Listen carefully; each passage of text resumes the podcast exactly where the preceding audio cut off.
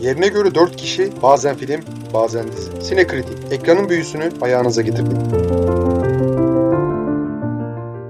Merhaba sayın dinleyicilerimiz. Bu hafta herhalde geçen haftadan beri Türkiye internetlerinin ve dizi severlerin en sıcak gündem konularından birisi haline gelen ve hala timeline'da tartışmaları yer yer orta yoğunluklu bir şekilde devam eden kulüp dizisini bu hafta konuşuyoruz. Tabii ki Enver Bey'imizi ikna edemediğimiz için yerine yedek kulübesinden İlkan ısındı. Hızlı bir şekilde e, sahaya sürdük. İlkan merhaba. Merhaba.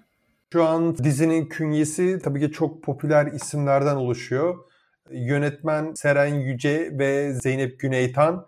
Misal Takva'dan biliyorsunuzdur Seren Yüce'yi. O aslında çok iyi bir yardımcı yönetmenlik tabii ki. E, orada yine çok büyük bir katkısı olmuştu. Zeynep Günaytan da yine çok aslında benzer bir şekilde ya en azından şey yapan öyle bir geçer zaman ki ya en azından benzer diye hatırlıyorum. Çünkü diziyi izlemedim ne yalan söyleyeyim. Yani Türk dizisi izlemeye de Netflix'te başladık. Yani ben Netflix bir şeyler çekinceye kadar Türk dizisi izleyeceğim falan yoktu. Bir başkadırla falan başladık. Sonra Fatma izledi. Ya bir şey belki. söyleyebilir miyim? Çok enteresan bir olay şu. Şimdi ilk globalleşme tartışmalarını hatırlarsın mesela. O zaman ne deniyordu? McDonald's, Coca-Cola üzerinden tartışılıyordu. İşte globalleşme her şeyi standartlaştırıyor. Her dünyanın her yerinde aynı ürün aynı şekilde satılıyor deniyordu. Aynen, aynen. Şu an ama öyle bir noktaya geldik ki globalleşme aksine bir çeşitliliği arttırıyor. iki yerelliği yükseltiyor. Yani mesela globalleşmeyle beraber ya ben atıyorum şöyle söyleyeyim mesela Tantuni diye bir şeyi İzmirliler bilmezdi tamam mı? Çok yakın zamanda öğrendiler. Yani 2000 civarında. Ya bu kadar basit bir şey bile. Ve aslında globalleşmenin dinamikleriyle beraber bir yerel dinamikler çok daha fazla altı çizilir hale geldi. Atıyorum ayran falan tarzı bir şey mesela şu an eskisinden daha kimliğe dair şey belirlenir hale geldi ve bu hani biraz şey gibi bu hani globalleşmenin ikinci dalgası gibi. Mesela şu an gibi gibi. işte Etiyopya yemekleri falan globalleşmeyle beraber Türkiye'ye geliyor. Yani globalleşme bir hani oradaki ana üreticinin yani ana asıl merkezin Amerika'nın işte İngiltere'nin falan ürünlerini sana taşırken aslında bir anda tam tersi de. Şimdi bu işte e, o neydi Casa del Papel falan işte onunla beraber e, bir yandan İspanyol dizisi takip etmeye başlıyorsun. İşte Finlandiya polisi takip ediyorsun falan. Sonra bir yandan yerelliğini de kendin oradan globalleşme üzerinden kendi yerelliğini keşfediyorsun. İlginç aslında. Ya bir yandan da garip bir şey Türkiye dünyanın en fazla dizi ihraç eden ikinci ülkesi. Tüm kısıtlamalar, tüm rutin, aşırı ağır baskısına rağmen vesaire her şeye rağmen Türkiye dünyaya en çok dizi ihraç eden Amerika'dan sonra ikinci ülke idi en son. Ki tekrar diyorum yani hani İran'daki o sinema yönetmenleri üzerindeki baskı gibi olmasa da yani hani ona yakınsayan bir şey var en azından Türkiye'de dizi yapımcıların şeyin üzerinde. Bir de çok kötü televizyon alışkanlıkları var. Neredeyse hani Türkiye televizyonlarında bir dizi izlemek özetleri, reklamları, ne bileyim dizi sonrası şeyleri falan vesaire derken iki saati falan buluyor. Yani hani neredeyse başlı başına bir mesai gibi bir şey. Netflix'le beraber işte onu da biraz daha hani olması gereken standartlara getirdiler. Benim en azından aşina olduğum iki tane dizi sektörü. Ya o da tabii ki yine genellemek de uygun değil. Bu şeylere uymayan şeyleri de çok vardır. Misal İngilizlerin öyle 45-50 dakikayı geçen 1,5-2 saatlik bölümlü 4-5 bölüm süren dizileri var. Ee, mesela Amerikalılar genelde 45-50 dakika civarı ki 20 dakikalık dizileri de var. Aslında hani dediğim gibi iki tarafta da var. Ama Amerika'da en azından denk geldiğim 45-50 dakika ağırlıklı çekilen diziler e, belli bir konuda ilerliyor. Çok bölümlü. E, senede 20-25 civarı bölüm filan. Ama Türkiye'de bu çok fazla. Yani hani neredeyse bir, bir buçuk saate yakın bir ekran süresi var. Senede 35-40 tane, kaç tane yayınlanır bilmiyorum. 35-40 derken sallıyorum. Büyük ihtimalle 20 ile 30 arası bölüm yayınlanıyordur. İşte bir başkadırla açıkçası ben yalan söylemeyeyim. Ya Türk dizilerine şöyle bir geri dönüş yaptım. Fatma da güzeldi. En sonunda kulüp. Şimdi hiç konuşturmadığımız e, mansplaining yapacağım, yaptığımız için bizden şikayetçi olacak. E, Efe'ye vereyim sözü. Efe nasıl buldun diziyi? Ben diziyi tam anlamıyla Türk yapımı son dönem dizileri içinde en başarılısı olarak buldum ki çoğu kişi bunu işte bir başkadırla falan da karşılaştırıyor ama ben buna şahsiyeti falan da katıyorum. Görsel olarak müzikleri mükemmeldi, kostümler, karakter oluşumları, olay örgüsü, anlatımı muazzamdı ya. Ben biliyorsun mesela bu konuşacağımız dizi ve filmleri mutlaka not alarak takip ederim. İlk bölümü biraz izledikten sonra kalemi kağıdı bıraktım. Dedim ben bundan keyif alarak izleyeceğim. Çok hoşuma gitti. Salih Bademci'ye zaten bayıldım. Bir tane başarısız oyuncu olmaz mı ya? Hani bir tane Şu olsun ya. Oh. Şu şöyle olsaydı. Ne oldu? Ben benim en çok girişeceğim yerden bahsettin de neyse yapacak bir şey. Oyunculuktan mı saldıracaksın? Sen devam et ben girerim sonra hani Hayır, hayır, beğendiğim lütfen. ve beğenmediğim şeyleri. Karşılıklı devam Oyunculukla edelim. ilgili o halde madem konuyu açtık, madem konuyu açtık eğer istiyorsan kısa bir giriş yapayım oyunculukla Tamam. ilgili. Oyunculuk bak mesela şöyle söyleyeyim hani üç halka gibi düşün tamam mı misal oyuncuları. Birincisi o ana hikayenin etrafında şekillenen öne çıkan karakterleri oynayan oyuncular. Onlar genelde iyiydi. Genelde diyorum. Yani hani yine birkaç tane göze batan vardı elbette. Ama misal ikinci rollerden itibaren bir çok sert bir düşüş yaşanıyor. Yani hani çok daha nadir görünen, hikayeye katkısı daha düşük karakterlerde daha duralayan ne bileyim rol yapma hissini çok mekanik bir şekilde e, karşı tarafa izleyiciye aksettiren oyuncular vardı. Figürasyon ve hani çok daha ender görülen karakterleri görünce e, yani hani kalite Türk lirasının dolar karşısında düştüğü gibi düşüyor yani hani öyle söyleyeyim. Özellikle üçüncü seviyedeki roller cidden çok çok başarısızdı. Yani hani bir tane bile iyi bulamam derim. İlhan birazcık daha Ama şey yapsana, e, spesifik anlatsana. ya Figürasyondan mı spesifik olarak şöyle bahsediyorsun? söyleyeyim. Figürasyon ve daha ender görülen roller tamam mı? Hani bu bunlar gerçekten başarılı. Yani gardiyanlar falan mı mesela atıyorum? Hani Gardiyanlar ne bileyim şeyde dışarıda gibi. taksici şey yaparken işte normal ins- selim insanlarla konuşurken sağ sol laf ederken ne bileyim o gazinodaki Agop'la konuşmalar vesaire ya onların hepsi gerçekten çok kötüydü. Büyük ihtimalle iyi niyetlerle şey yapmışlar ama ya bir yandan da ilk defa podcast'te bir Türk dizisi eleştiriyorum. Şimdi korku da var. Yani hani yabancı filmlere falan geçirirken kolay. Şimdi nereden bulacaklar? İlhan'ı dövecekler. Martin. Scorsese seni bir kenarda yakalayacak. Yani ya misal şimdi başroller arasında Rachel Asio oynayan Asude Kelebek hanımefendi çok tutuk ve kötüydü desem. Acaba bir sevgilisi veya akrabasından dayak yer miyim diye insan bir tırsıyor değil. Yani hani Eğer Ya dövmek isteyen olursa iyisini- adresini ben verebilirim. elinden gelenin en iyisini yaptığına eminim ama ya büyük ihtimalle role giremedi ya da yani hani e, yeteneklerini karşılayacak bir metin yoktu elinde. Yani hani yetenekleriyle denk düşecek bir metin yoktu. Bence hani dizinin çünkü bir de en sık görünen karakteri olduğu için bence hani açık ara e, performans olarak en çok göze batanıydı. Ya kusura bakmasın dava açma bana beni dövdürme lütfen. Ben alışkın değilim henüz e, podcast ortamlarında Türk işlerini eleştirmeye. De, geyik bir yana yani hani ben çok aşırı bir art niyet aramıyorum bunda. Sonuçta prodüksiyon ve casting seçimleri e, çok karmaşık şeylerdir. Yani hani kim nasıl seçildi, kim nasıl dahil oldu vesaire bunlar uzun uzadıya yani hani irdelenmesi gereken şeylerdir. Onunla katılıyorum. Misal Selim'den öte ben Fırat Tanış çok sevdim. Ki ben kendisi beni bloklamıştır Twitter'da. Ona rağmen hakkını ben haklıyım. Yalnız konuyu hatırlamıyorum ama kesin ben haklıyımdır.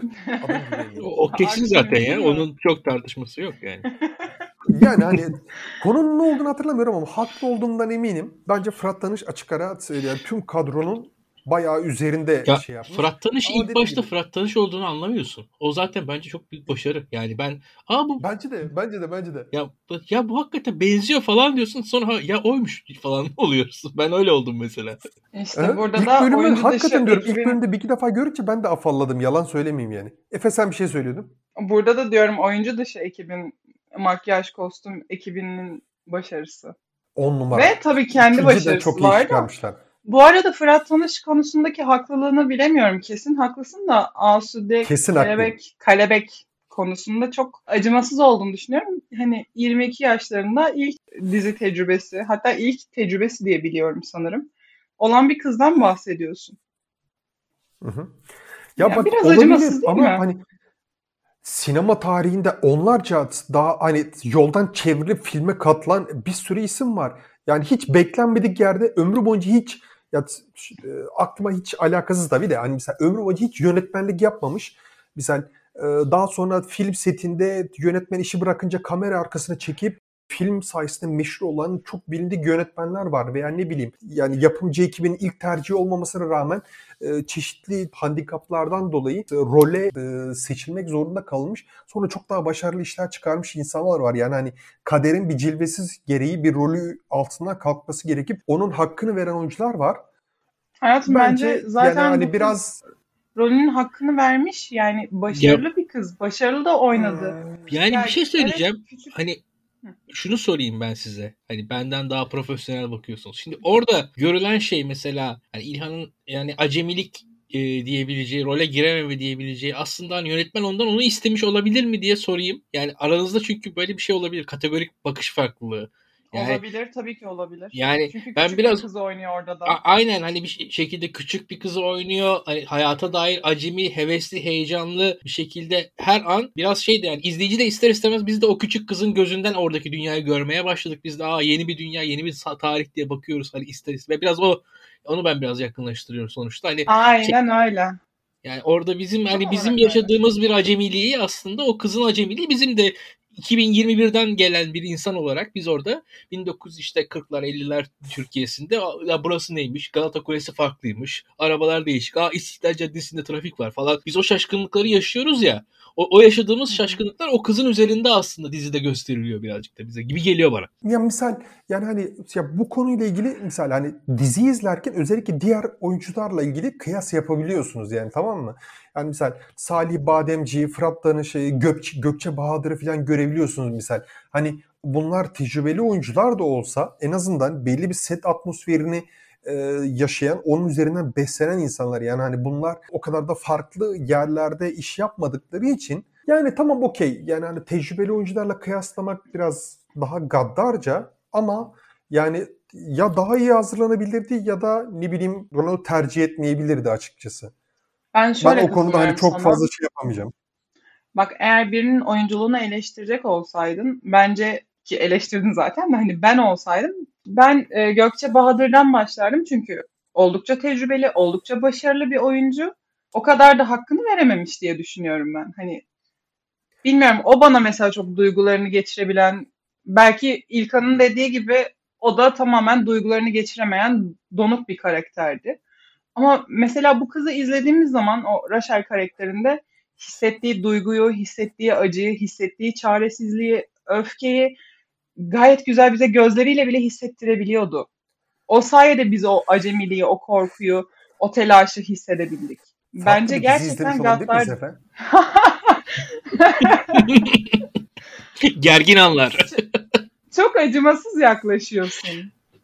Ya acımasız değil. Bak gerçekten diyorum. Genç bir oyuncu olduğunu da biliyorum. İlk tecrübesi olduğunu da vesaire. Bunların hepsine saygı duyuyorum. Ve ilk deneyimleri başarılı olmak zorunda değil. Yani hani klasik yerli proje destekleyelim vesaire havasında değilim. Ama okey. Yani hani ilk tecrübe bir de hani o yüzden de biraz da şey tutuyorum. Yoksa Efe benim önceki podcastlerde biliyorsun hani sıkınca nasıl yardırdığımı, Hı saydırdığımı hı. vesaire. Hani ilk elden biliyorsun. Ya o yüzden ya bu bir şey de değil yani hani lütfetmiyorum. Okey olabilir. Yani ilk tecrübesi belki yani hani çeşitli terslikler olmuştur veya belki ona yanlış sufleler verilmiştir veya yanlış direktifler verilmiştir. Ama hani karakter ve şeyi koyduğumda karakter ve oyuncuyu yan yana koyduğumda ikisi de bana çok donuk gözüküyor. Onun için yani hani ki tekrar ediyorum. Birincil o birincil cast bence hani ortalamayı geçiyor kalite olarak, genel kalite olarak. Ama hani aşağı indikçe oyunculuk ya oyunculukla ilgili genel bir sıkıntı var dizide. Yani onu söyleyebilirim. Ama çok bariz keskin karakterler yok ki. Bak mesela oyunculuğu gösterebilmek için karakterle uyumlanabilmen kadar karakterin keskin hatları olması da gerekli gösterebilmesi için. Ya maksimum donuktur Yok, ya gerekmez. hırçındır. Çok sade bir rolü, çok sade bir karakteri de yansıtabilir ama hani ya tekrar diyorum. Ama bunu hissettirebilmek önemli. çok daha zordur. Mesela Salih Hissettiremedi bu işte. kadar patlatan aslında karakterin keskin hatları olmasıydı. Gökçe Bahadır neden sönük kaldı? Tamamen o canlandırdıkları karakterlerin sınırlarının keskinliğiyle alakalıdır biraz.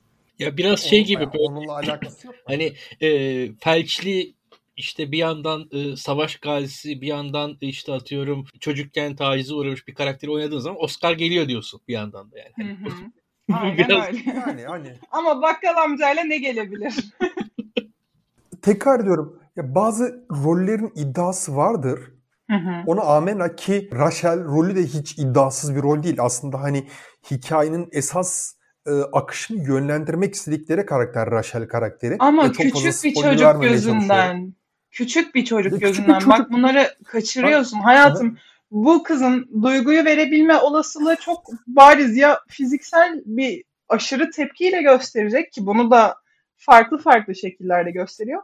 Ya tamamen gözleriyle duyguyu vererek oynayabilecek. Çünkü bir çocuğu oynuyor aslında. Daha kadınlığını keşfetmemiş taze bir çocuk. E bu çocuk nasıl hani o spoiler vermeden anlatmaya çalışıyorum. Yaşadığı o hayatındaki virajlara şahit oluyoruz ve bu virajlara verdiği tepkileri gözlemliyoruz.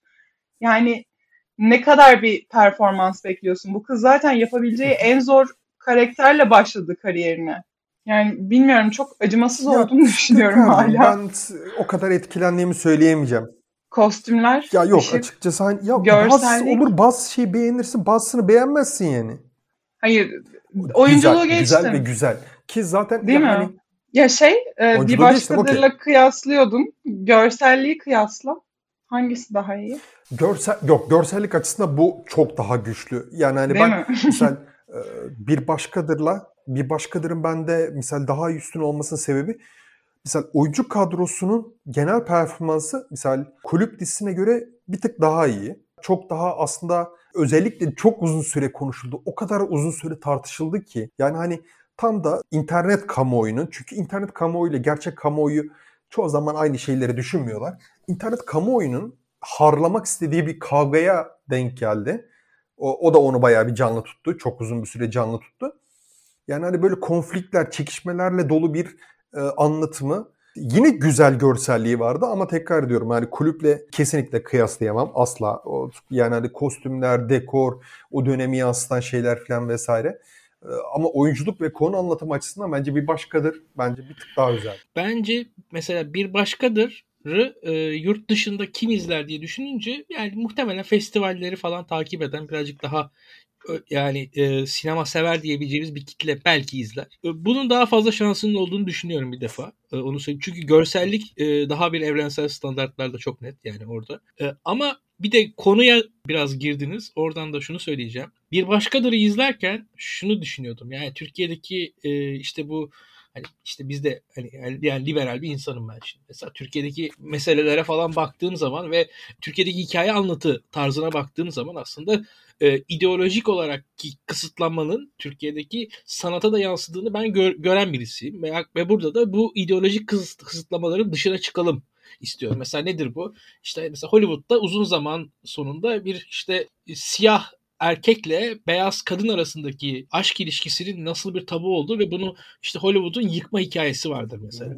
Şimdi buna benzer şeyler Türkiye'de e, sanatın yapması gereken şeyler ve bence yeterince yapmamıştır böyle şeyleri ki yapabilir. Toplumun birbirine e, dokunmasının, temasının alanlarından birisi olarak sanat e, işte sineması, e, televizyonu işlev görebilirdi. Pek görmedi. Bir başkadır bu açıdan e, anlamlı bir yapım olarak ben görüyordum. E, ve orada da izlerken hakikaten şey düşünüyor insan. Ya burada ne eksik? E, azınlıklar, e, gayrimüslimler meselesi zaten.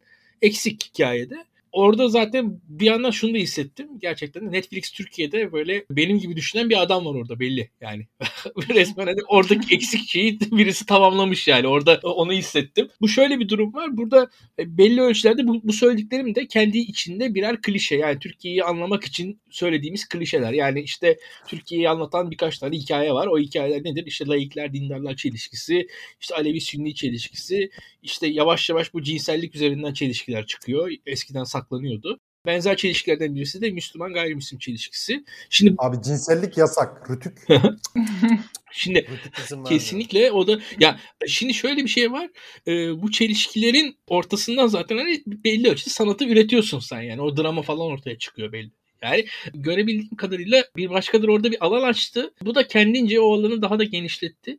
Umarım şöyle bir durum var. Hani hikaye anlatırken çok şansı var Türkiye'de. Çok çok fazla şanslar var. Biz kendimizi çok kısıtlıyoruz. Yani nedir? İşte hani zengin kız fakir olan aslında bir klişe tamam ama bunu güzel işleme bunu farklı farklı şekillerde de işleyebilirsin. Yani klişe olması sıkıntı değil. Titanic'i de adam çekebiliyor. Sen daha iyisini de çekersin yani bir yandan. Bunun gibi bu tarz alanlara doğru sanatın sinemanın açılmasını fırsat olarak görüyorum ki daha öncesinde mesela ben biraz doğru mu tabir kullanıyorum? Beni düzeltin yanlışsam. Türk sinemasında falan bu azınlık karakterleri daha ziyade karakter değiller, tip oluyorlar. Ve evet. Aslında rollere veriyorlardı. yani bir tip oluyor, karikatür bir tip oluyor orada. Ya o aslında e, göstermiyor, o azınlığı sa- saklıyor. Gösterirken saklıyor aslında. Çünkü orada ekstrem bir aksan, ekstrem hareketler insanlıktan çıkartıyor, o karikatürleştiriyor ve bu dizilerin anlatım tarzıyla açıkçası mesela dindar karakteri de karikatür bir hale getiriyorsun veyahut da atıyorum seküler karakteri de inanılmaz bir sekülerlik, yani, e, tamamen bir ahlaksız, bir hedonist bir uç noktada anlatıyorsun veyahut da tam tersi. Ya orada aslında e, göstermiyorsun, saklıyorsun o anlatım tarzında. Şimdi bu e, Netflix'in şu tarzında aslında iyi kötü her karakter e, bir derinlikle, tiplikten çıkmış bir şekilde derinlikle ortaya çıkıyor ve izleyici ya benim karşımda da ya bana benzemeyen, benden olmayan birisi var ama o da insan. Yani o da böyle kanlı canlı birisi. Yani orada karşımda karikatür yok, iki boyutlu bir şey yok. Orada üç boyutlu derinlikli birisi var o hissiyatı veriyor. Hakikaten yani cidden sanatta böyle şeyler için var birazcık da benim için. Ya özellikle ben bu konuda senin açtığın o konuya da biraz e, ufak bir ekleme yapacağım. Mesela Amerika konu Amerika e, tarihi gereği mesela bu bu gibi konulara çok fazla önem veriyor. Yani a, mesela aklıma gelen direkt siyahilerle ilgili da zamanında yapılmış o e, baskı ve şey hikayeleri ne bileyim e, kölelik hikayeleri. Daha sonra aklıma gelen Mesela İkinci Dünya Savaşı'nda e, Japonların toplama kamplarında şey yapılması vesaire, Kızılderililerle olan o iç e, huzursuzluk meseleleri falan. Yani Amerika misal aslında hani bir, biraz zorlarsan aslında o tarihe dair bakış açısıyla yani hani bir nevi bir propagandist ve o, o içindeki çekişmeleri, çatışmaları soğuran bir rolü olmuştur diyebiliriz Hollywood'un bir nevi. Yani ama bizde bir, sürekli bu konuları tabu olarak görüyorlar tamam mı? Yani hani ya mesela bir solcu, milliyetçi çekişmesi olan bir şey yapsalar falan vesaire. Orada e, mutlaka e, şey yapar yani hani e, milliyetçiler ayaklanır. Biz e, çok ahlaklıyız, biz çok düzgünüz vesaire filan.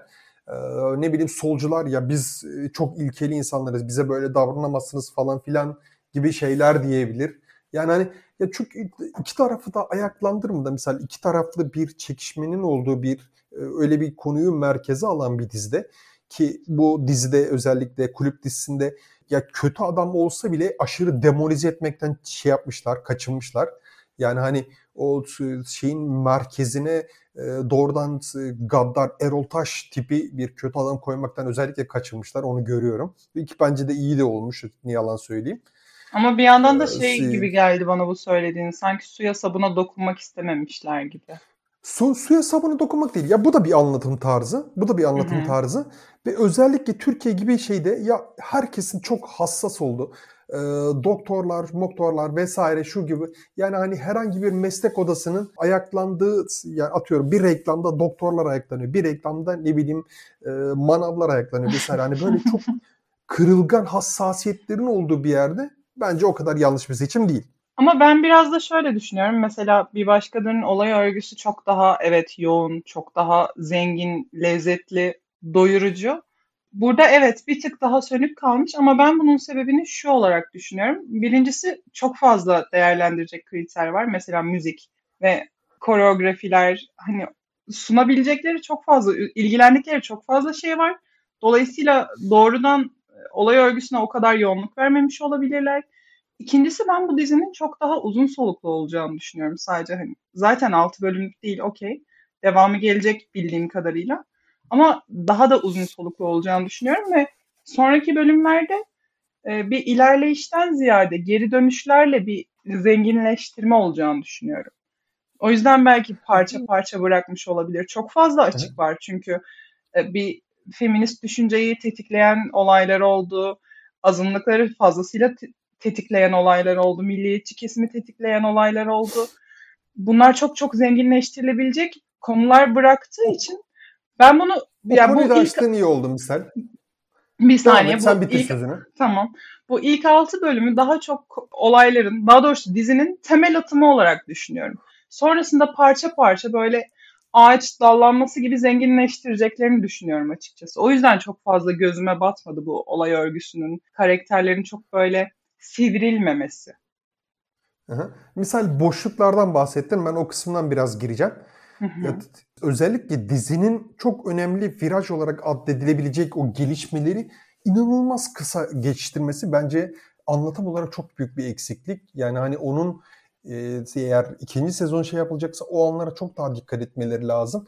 Yani en azından hatta sonunu söylemeden nasıl izah edebilir? Ya finalde Rachel'in alması gereken bir karar var ya. Çok hı hı. bariz ne olacağı çok bariz hissettiriliyor ama o kadar hızlı gelişiyor ki ne bir o, o duyguyu hissedebiliyorsun. O olaydaki o gerilim, o stres, ne bileyim e, kararsızlık o gibi şeyleri hissedebiliyorsun. Ne de olayın yaşandığını tam olarak ayırdığına varabiliyorsun tamam mı?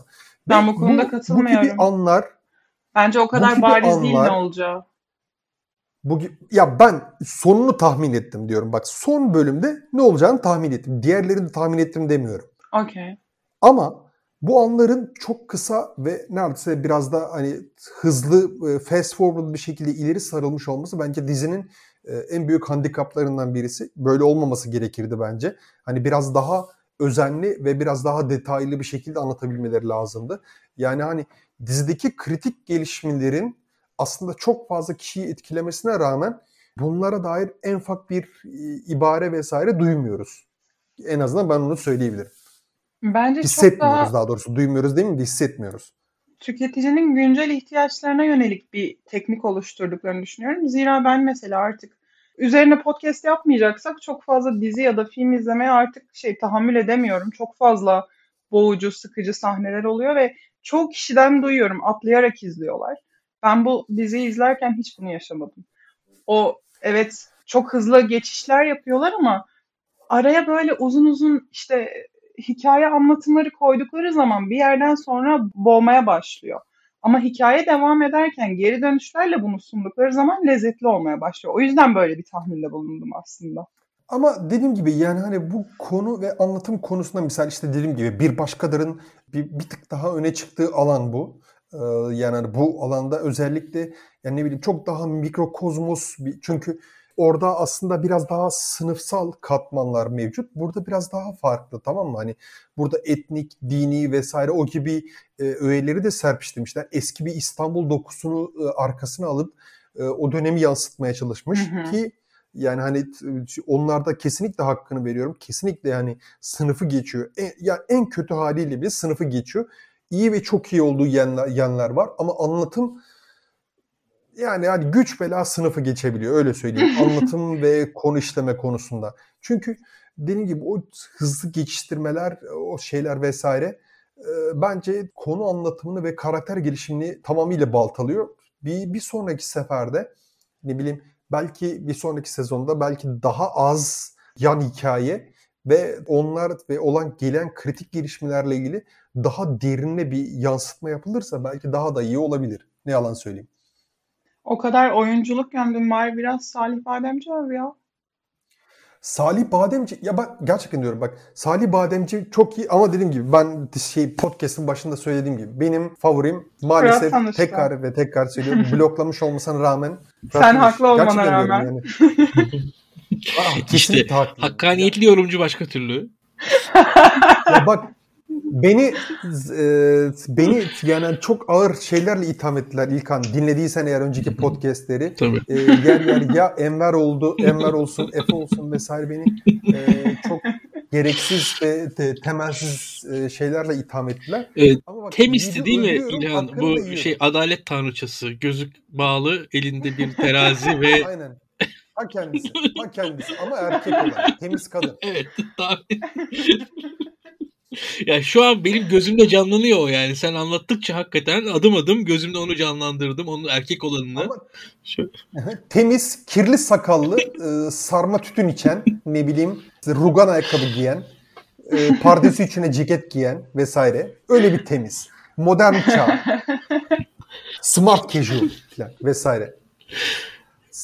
Yok ama şu, özellikle şöyle söyleyeyim. Zaten ya ön plana çıkan e, o star şeyi zaten ya belli oradan ne çıkacağı ve aslında kimden neyi beklememiz gerektiği çok çok belli. Yani hani Salih Bademci zaten ya sesiyle de olsun, o sahne şeyleri de olsun, ne bileyim karakterine dair o sahne dışındaki e, rol kesmeleri vesaire olsun. Orada da kesinlikle çok çok iyi. Ama hani ya Fırat Tanış en azından e, sahne aldığı anlarda yönlendirme ve e, domine etme anlamında bence birazcık daha iyi. En azından onu söyleyebilirim. Ya çünkü ya Salih Bademci dizinin starı tamam mı? Yani hani kaçınılmaz olarak spot ışıkları onun üzerinde olacak. Ama hani Fırat Tanış da gizli forvet gibi bir şey. Öyle söyleyebilirim. Sen bence hazır bu diziyi konuşurken Fırat Tanış hakkında da bahsedilecekken bence bunu birazcık barışma için zeytin dalı uzatma olarak Ben haklıyım. ama Haklı olduğumu kabul etsin, bloğu kaldırsın düşünürüm. Fırat Tanış lütfen İlhan'ın bloğunu kaldır ve kendisinin haklı olduğunu kabul et. Ben Artık kesin bir barış Tartışmayı hatırlamıyorum ama haksız olma ihtimalim yok. Ben hep haklıyım. Doğru. Kesinlikle. Kesinlikle ya. Temiz şeyini şu an iyice anladık herhalde haklılık konusunda gerçekten. Tabii tabii. Tabii ki ya Temizle başka nasıl tartışsa adalet yine İlhan İlkan? haklıdır. Yani adalet dağıtmak zorundayız. Biz burada e, insanların ekmeğiyle oynamıyoruz İlkan. Ya, insanların ekmeğiyle oynanabilecek kadar büyük geniş bir şeyimiz de yoktur tabii ki. O Ya yüzden. şimdi ya İlhan şimdi 85 milyon bizi dinliyor bir açıdan baktığın zaman. Yeah, tabii. Doğru. tabii. Yani e, ve birçok kişi de bakıyorlar ki biz Netflix'e abone olalım mı? İşte açıkçası olmadı bir yerden dinleyelim mi, izleyelim mi diye seni takip ediyorlar. Senin yol Aynen göstermen önemli birçok insan için. O açıdan e, çok değerli ben Öyle de buluyorum. Tabii. İlginç. Marvel ve DC sinematik evrenleri için de takip ediyorlar. Çünkü İlhan'ın geçen alanı. Eternals bak geçen hafta Cuma günü Eternals izledim. Ya film o kadar bayık ki. Yani bak geçen cumartesi yazacaktım. Bilgisayarın başına Hayatım. oturdum. Yemin ediyorum ki. tatlım dizimize dönelim. Ya yok yani hani ne demek istediğimi anlayın yani. Anlıyorsunuz mu beni? Beni Dizinin anlayın. müzikleri nasıldı? Müzikler çok iyi. Yani ya ben eski Türk şeylerine çok e, aşina değilim ama yani Hı bir kısmı zamanında kullanılmış şeyler yanlış anlamadıysam. Bir Evet. kısmı da o döneme o dönemin ruhuna sadık e, aranje edilmiş yeni taze şarkılar. Aynen öyle. Sanırım şarkılardan birini ya da birkaçını emin değilim. Kenan Doğulu yapmış diye biliyorum. Hmm, okey. Ya dediğim gibi ya bu, bu sıralar yoğunluktan dolayı Kenan Doğulu babasından dolayı da zaten hakimdir o zamanın koşullarına diye Evet, tahmin Kenan ediyorum. Kenan Doğulu'nun babası Doğru. kim? Kenan Doğulu'nun Babası babası kim? Yurdaer Doğulu diye hatırlıyorum. O zamanki orkestra şeflerinden bir tanesi. Bu Ha ha ha ha. Tamam Ya- okey. Yani o zaten aslında hatta şöyle söyleyeyim Kenan Doğulu'nun evinde böyle açıkçası zamanında yazılmış piyasaya çıkmamış notalar falan olduğunu falan tahmin ediyorum ben açıkçası. O zamanlarda belki. Onlar üzerinden bile iş yapmış olabilir. Kesinlikle. Yani Yani özellikle bizim o dönemki müziklerimizden bugüne kadar gelen hani sağlıklı bir şekilde gelen ya çok fazla eser yok açıkçası. Ne yalan söyleyeyim yani hani. ya doğru doğru. Yani Ben- o, o, dönemin ruhunu bugünden yakalayacak birkaç kişiden biridir diye tahmin ediyorum. Yani o çünkü Hı, olabilir. yani e, hani denir ya zaten Kenan Doğulu'nun sahnesi iyi falan diye. Yani çünkü Hı hı. o o yani o adam sahnede büyüdü yani bir de. Yani. İşin gerçekten mutfağında yetişmiş biri. Tabii tabii tamam. O halde son diyeceklerinizi istiyorsanız toparlayalım arkadaşlar. Yani hani ben az çok e, ne, söyleyeceksem şey yapabilir. Yani hani misal e, ben en azından kendi finalimi yapayım müsaadenizle. Tabii. Bence kulüp dizisi daha da gelecek vaat eden çok şaşalı, görsel açıdan inanılmaz doyurucu, e, güzel ve o kadar yeni olmasa bile çünkü e, Salkım Hanım'ın tanelerinden bile buna, buna benzer konular ufak tefek yani hani uzun aralıklar da olsa işleniyor. Nasıl derler? Hani bunların e, değişimini e, ve gelişimini gördüğünüz heyecanlı, çok aşırı orijinal veya e, ne bileyim kendine has bir konusu olmasa da izleyiciyi her türlü e, pençesini alabilecek ve bence hani uğruna eğer Netflix üyeliğiniz yoksa Netflix üyesi olmanızı ta- tavsiye edebileceğim kalitede bir dizi açıkçası. Umarım iyi zaman geçirirsiniz izlerken. Korktuğun kadar gömmedin ya. Ben baştan dediklerimi biraz tekrar edeyim. Ee, bir defa e, Türkiye'deki dizilerde bir anlatı var. Yani bunun e, daha güzel bir sinema adı olması lazım ama hani ben anlatı diskur falan diyorum. Bunun e, sinematografi mi dersiniz ne dersiniz? Ya Türkiye'de bir anlatı var bir anlatım tarzı var. Mesela bir sinema dili var işte. Mesela İranlardan bahsetti. Şimdi e, neden metafor kullanıyorlar? E, sürekli her şey yasak zaten yani metafor kullanmak zorundalar. Bir yerden sonra Türkiye'de de biz aslında ülkedeki siyasal toplumsal e, zihniyetimiz e, sanatımıza yansıyor ve bazı şeyler mesela sanatımızda yok. Olmuyor. Bazı şeyler mesela bazı sahneler Türk sinemasında yoktur, iyi değildir, kötü çekilir falan. O bizim zihni, zihin yapımızı da yansıtır bence. Ee, şimdi e, bu ve birçok karakter de karakter değil. Bunu baştan söyledim. Bu, bu bir deneme. Yani burada farklı alanlara giriyor sanatçılarımız. Bu çok başarılı bir şey. Ve bu alanlara girdikçe yeni keşifler olacaktır. Yeni temaslar olacaktır. Yeni fırsatlar var aslında. Yani ya bugün daha biz benim açımdan şunu söyleyebilirim. Yani çok basit bir olay var mesela. Benim aklıma hep gelen bir şeydir. Her yıl milyonlarca e, insan KPSS'ye giriyor Türkiye'de. Yüz binler evinden bin, binlerce kilometre öteye atanıyorlar. Oralarda evler tutuyorlar, oralarda hayatlar yaşıyorlar. Mesela ben bunlara dair bir dizi izlemedim, bir film izlemedim Türkiye'de henüz. Bu çok basit bir şey ama milyonlarca insanın hayatında olan bir şeyin daha sanatı yapılmadı Türkiye'de.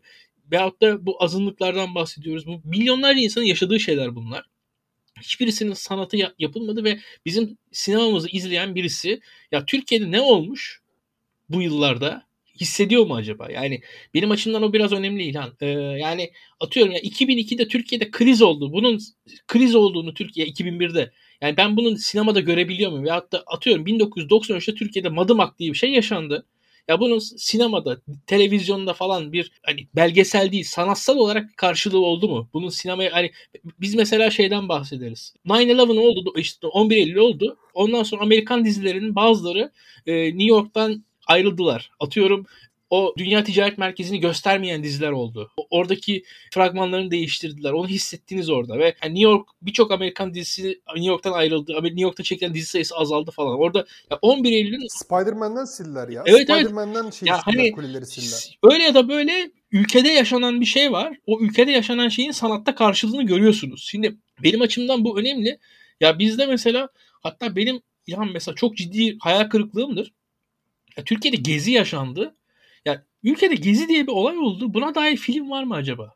Yani ve Peki Abi sence o- bu dönemde çekemezler. bunu yapmak bu, mümkün bu dönemde mü? onu çekemezler. efendim Bu dönemde o çekileceğine iht- ihtimal vermiyorum. Belki bu dönem bittikten sonra ama Bu Şöyle bak- imkansız bu kadar Ya, keskin sınırlar varken. katılıyorum da şöyle söyleyeyim. Ya benim mesela gezi olaylarına katılırken birbiriyle tanışıp evlenmiş tanıdığım dört tane çift var. Ve Bayağı fazla aslında. Çok ilginç bir şey.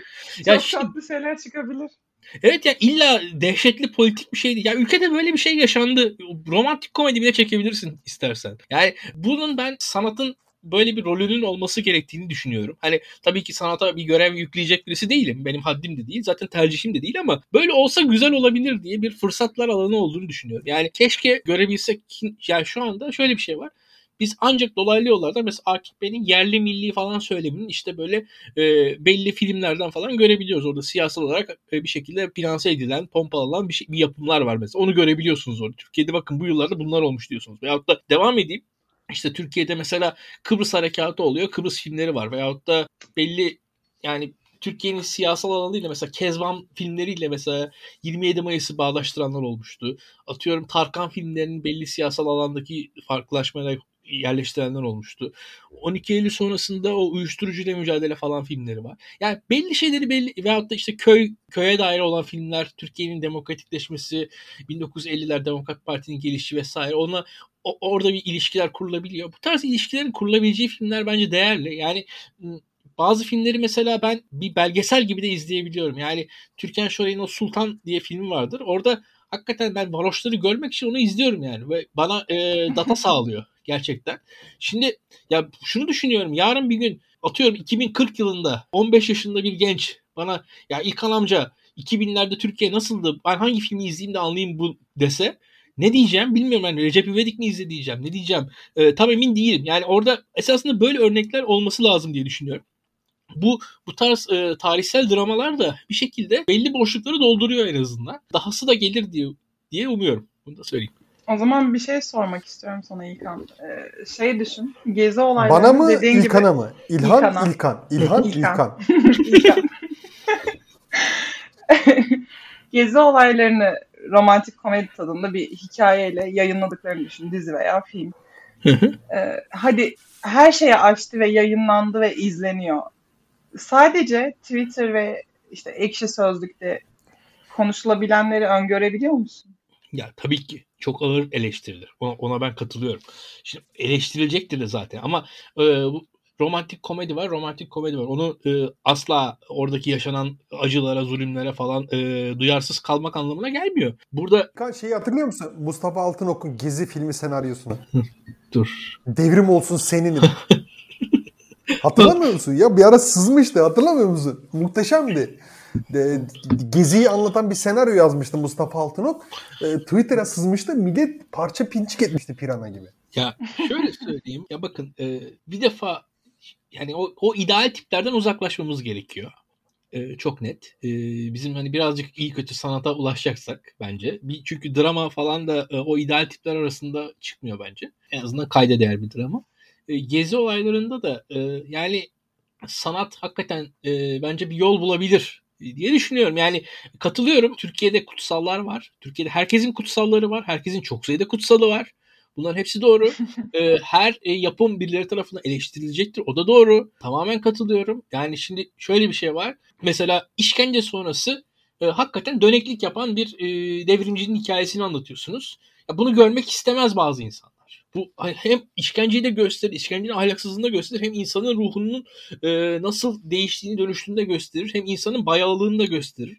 Her insan onurlu değil, onu da gösterir. Her insan e, doğru değil, düzgün değil, bunu da gösterir. Her insanın her her tarafı her şey kötü değil, her şey iyi de değil, bunları da gösterir. Yani mesela şuna hatırlayalım. Mesela bir başkadır izlerken orada bir özel harekat e, askeri vardı ve o ya bayağı katil bir insan birçokları için. Ve o katil insanın orada insani yönünün gözükmesinden rahatsız oldu insanlar. Doğrudur rahatsız olsunlar ama birçok katilin de insani yönü var aslında. Bu biraz böyle bir şey. Hakikaten o yani katillerin ne yazık ki insani yönleri de var. Yani böyle bir durum var. Şimdi biraz böyle bakmak lazım diye düşünüyorum ben. Ee, Siyah beyazlarla değil de grilerle göstersinler evet. ve bunu insanlar görsün. Ya bizde istiyorsun. takım tutar gibi karakterlere yatırım yapılıyor genelde. Dizilerde olsun, filmlerde olsun. Yani o bir taraftar refleksiyle yaklaşılıyor. E, oysa genel bir e, şekilde, genel bir perspektiften bakarak bence daha şey olabilir. E, Efe senin diyeceğin bir şey var mı bu diziyle ilgili? İlk başta söylediğim gibi gerçekten Türk yapımları içinde tam anlamıyla sanatsal olarak inanılmaz doyurucu buluyorum. Teknik olarak da evet olay örgüsü bir tık sönük kalmış ama işleyişleri çok hoşuma gitti.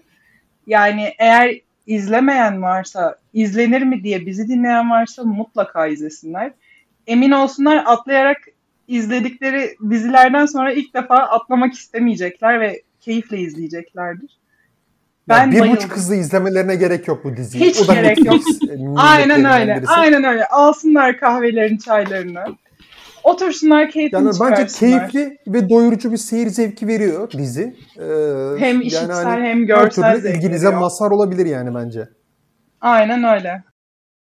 O halde diyecek başka bir şeyiniz yoksa mikrofonun ve e, Zencaster'ın bana verdiği yetkiye dayanarak şeyi bitiriyorum. Powered by Zencaster. Podcastçiler için. İlhan ben gelirim ben. Beğendim burayı. Lütfen. Lütfen tamam. Ne demek? Ücretli anlaşırsak niye olmasın? Valla umarım anlaşırız. Sevgili e, dinleyicilerimiz e, bir sonraki programda görüşmek üzere. Esen kalın. Mıcık mıcık. Görüşürüz.